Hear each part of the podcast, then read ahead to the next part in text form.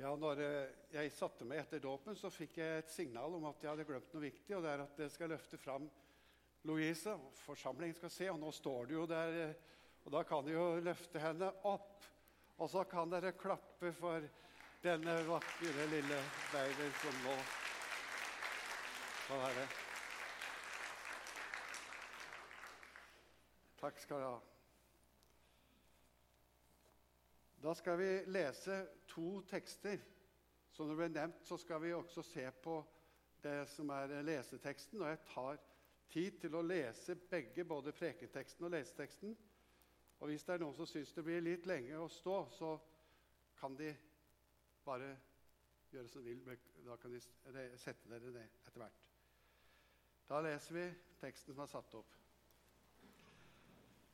Og vi leser Jesu navn. På reisen til Jerusalem dro Jesus fra by til by og fra landsby til landsby og underviste.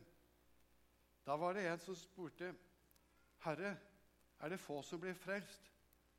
Han sa til dem, 'Kjemp for å komme inn gjennom den trange døren.' For jeg sier dere, mange skal forsøke å komme inn, men ikke klare det. Når husherren først har reist seg og lukket døren, og dere blir stående utenfor og banker på og sier, 'Herre, lukk opp for oss.' Da skal han svare, 'Jeg vet ikke hvor dere er fra.'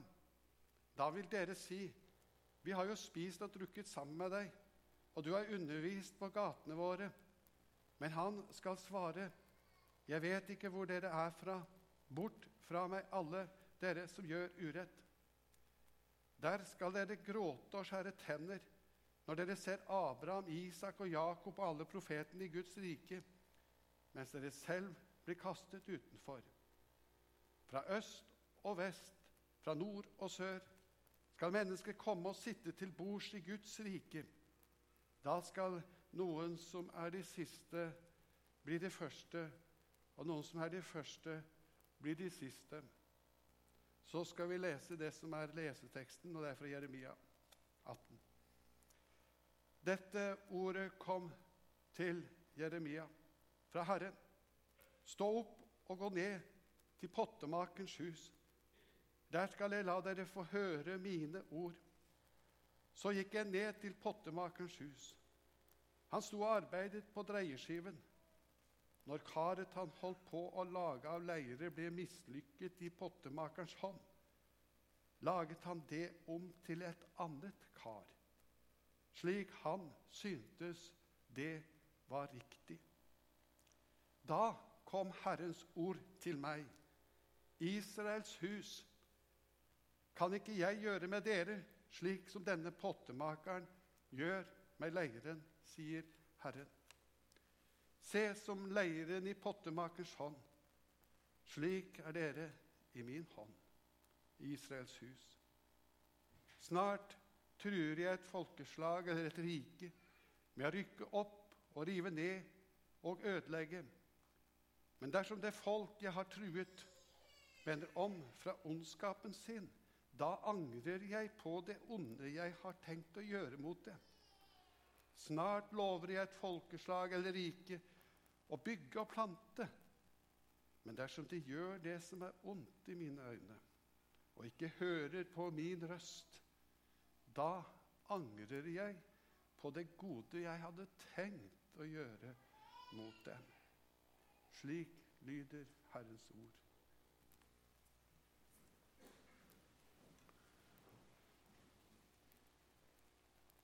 Det er et stort spørsmål som stilles i dag.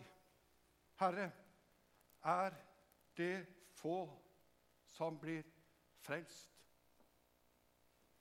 Og Når vi ser på prekenteksten, den som jeg leste først, så ser vi det, er satt i en sammenheng hvor teksten foran Der blir det snakket om et lite frø. Og dette lille frøet det blir til et stort tre. Så stort at himmelens fugler kan bygge rede i dets grener.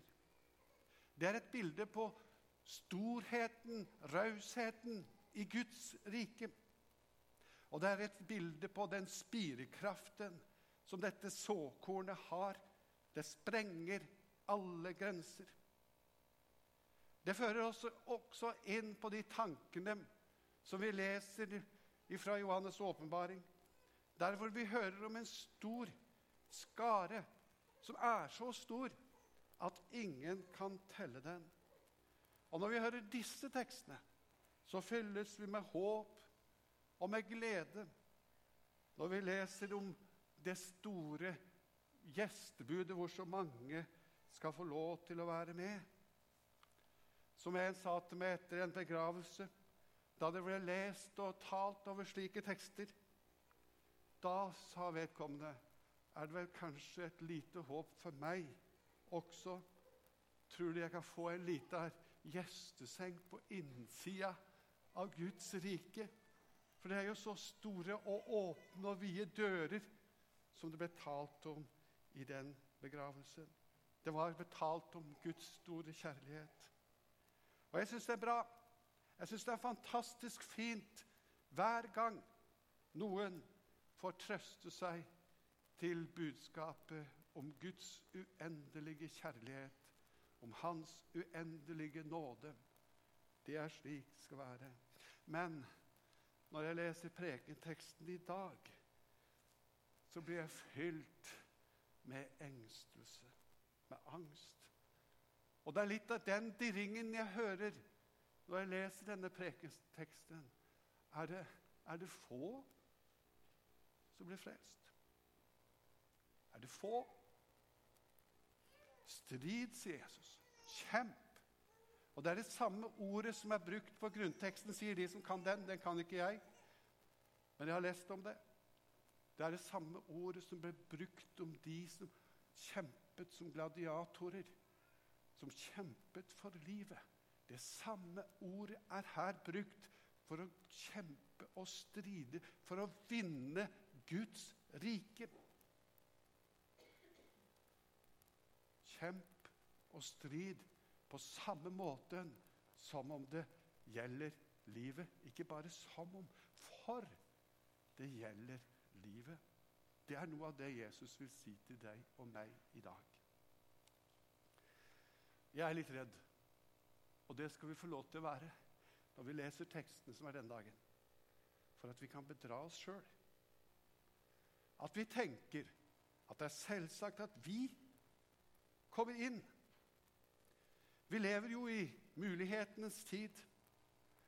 Aldri har vi hatt så mange valgmuligheter som i dag. Ja, det er sommertid vi hører om noen som får problemer.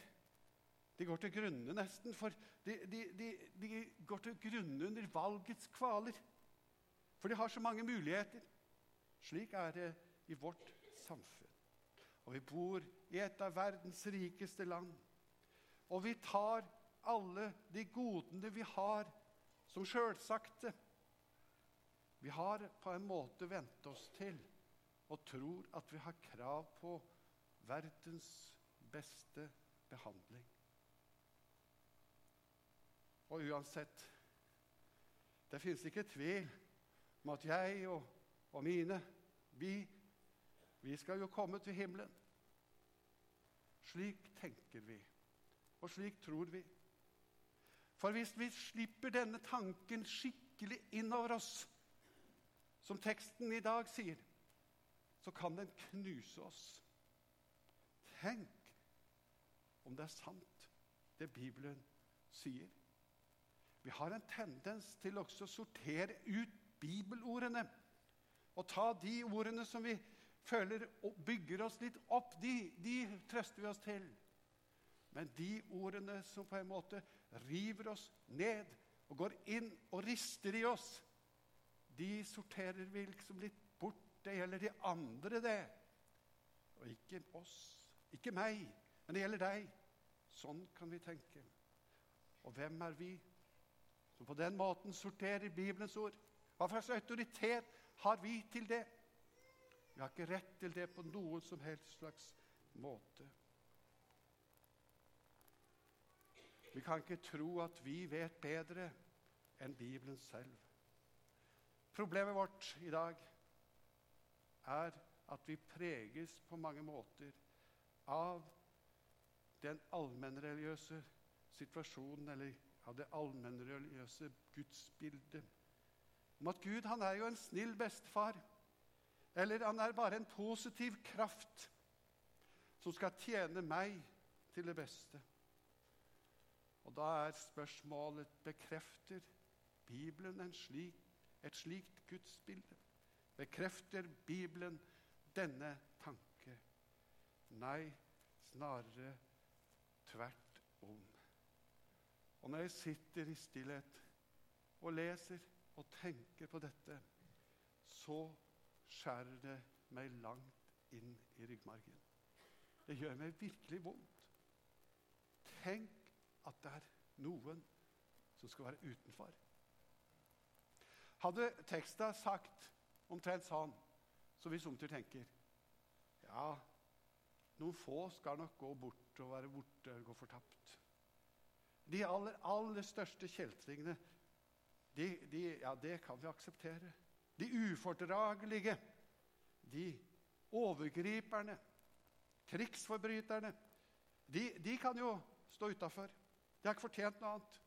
Men vi, med en vanlig, normal, god borgerlig oppdragelse, hadde jeg nær sagt Vi blir nok med, kan vi tro.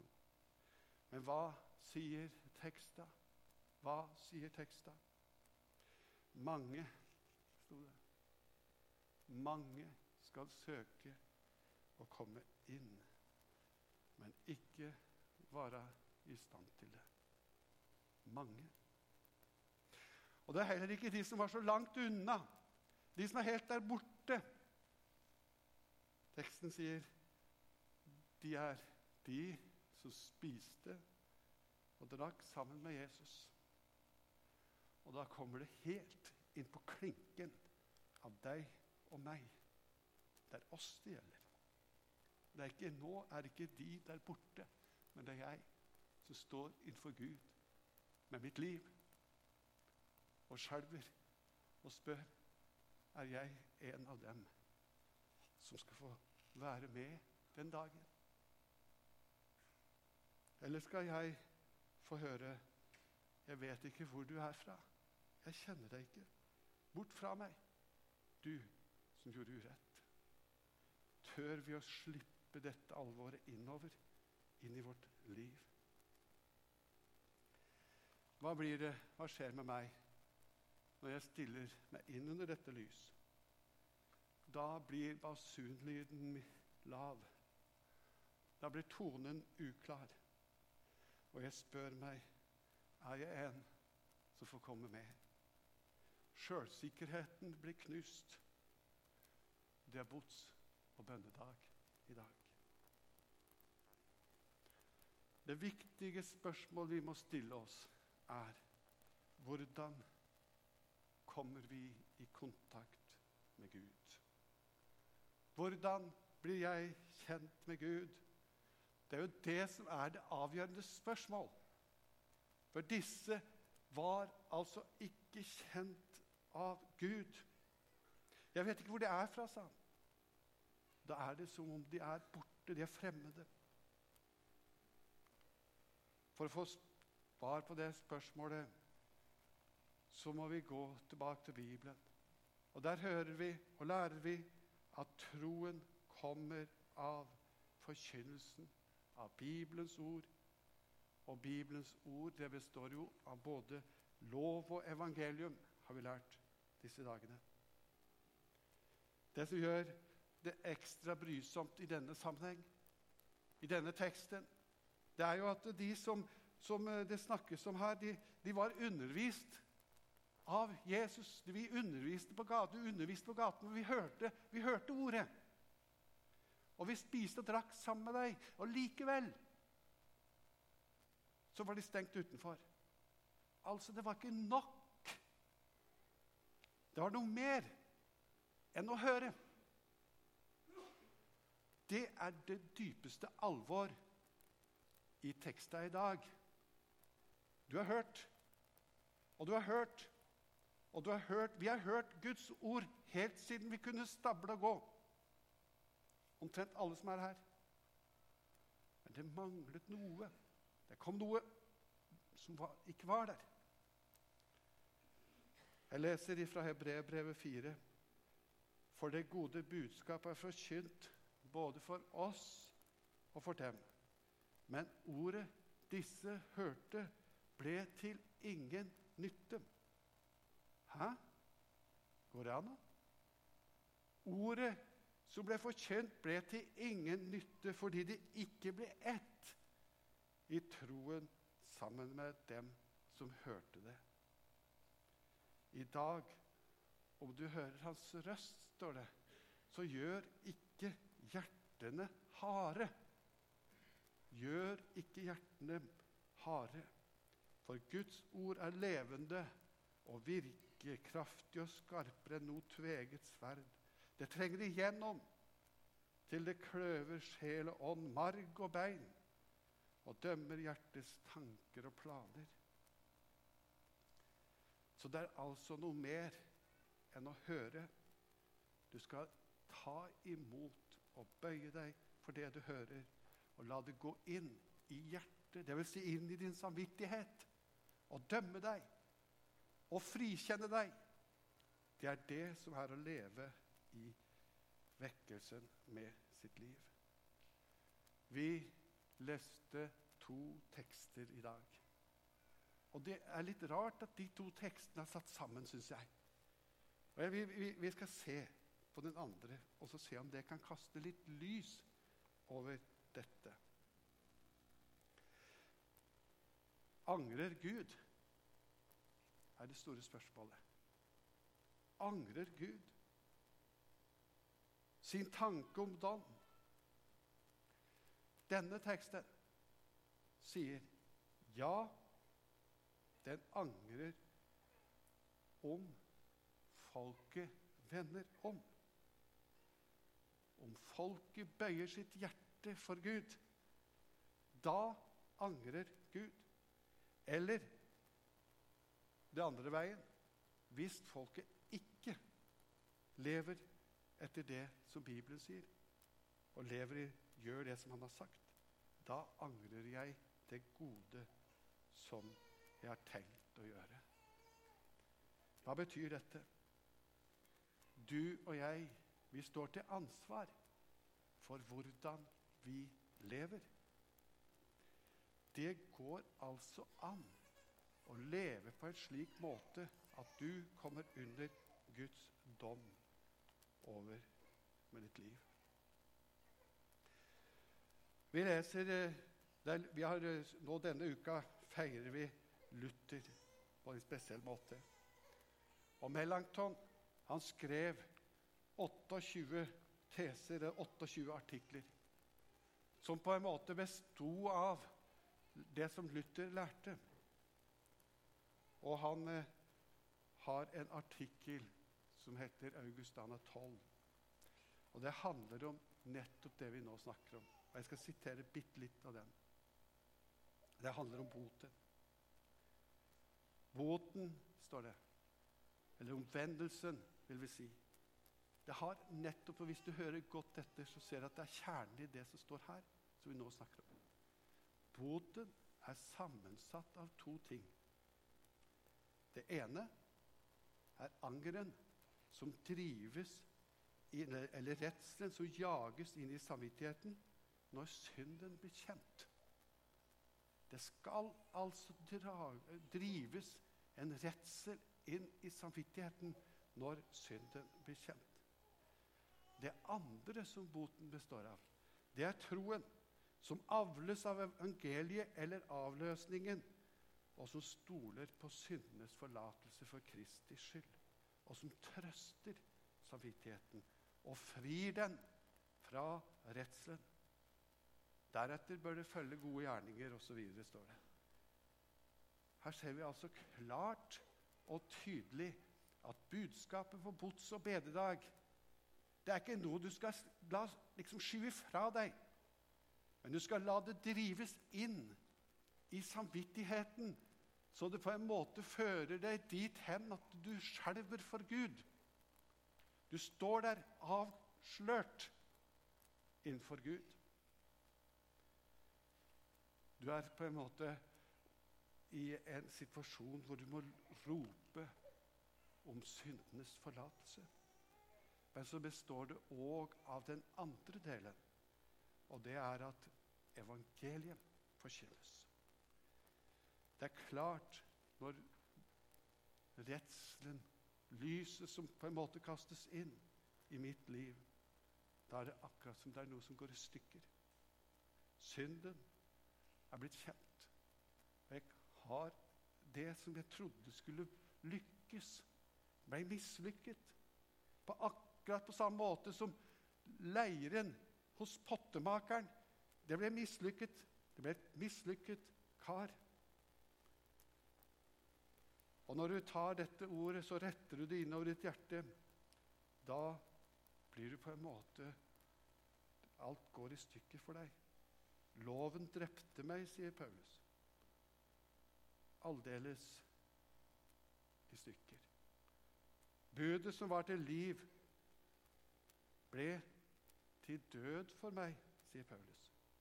For synden benyttet seg av budet og dåret meg og drepte meg. Jeg syns bildet på leirskiva eller dreieskiva det er illustrerende. Karet som er der, det er på en måte deg og meg. Syns jeg. Iallfall sånn jeg tenker om meg. Guds hellige lov, som er god, kunne ikke lage noe brukbart ut av meg. Men så sto det så fint. Han lagde et nytt kar, slik som han ville ha det. Evangeliet forkynner oss altså syndenes forlatelse for Kristi skyld. Det trøster samvittigheten. Det er ingen grunn til å holde tilbake den trøst på bots- og bededag. Nei, det eneste som kan holde oss i live, og som kan berge oss, det er Kristi verk på Golgata. Så sjøl om krukka på dreieskiva gikk sunn, så gjorde Gud et annet kar. Et fullkomment kar. Men likevel det samme. For jeg er Jesus, og alt han har gjort, det er mitt. Og jeg står der innenfor Gud, hellig og rein og rettferdig i Hans nåde. Det er trøsten evangeliet gir. Derfor så kan vi, når vi står der innenfor Gud, avslørt og knust, også få trøst i vår samvittighet på grunn av at Kristi verk og hans fullkommenhet, den gjelder i mitt sted, og det gjelder i ditt sted. Bildet som jeg ser for meg, det er en fullkommen krukke der på dreieskiva, slik Gud ville ha den. Og der er du som er i Kristus. Og min mislykkethet ble altså hans. Slik fikk Gud et kar som han ville. La oss takke og be. Herre Jesus, vi kommer framfor deg. Vi står der framfor deg med våre liv denne bots- og bønnedag. Og vi ser på oss selv og ser at det er så mange ting som har gått i stykker. Vi kan ikke stille opp i egen kraft og vi prøvde så godt vi kunne, så hjalp det ikke. Og så kommer du, Herre, og de, de tar vår plass. Og så er ditt liv mitt liv. Og jeg takker deg for dette og ber om at vi får eie trøst i deg. Amen.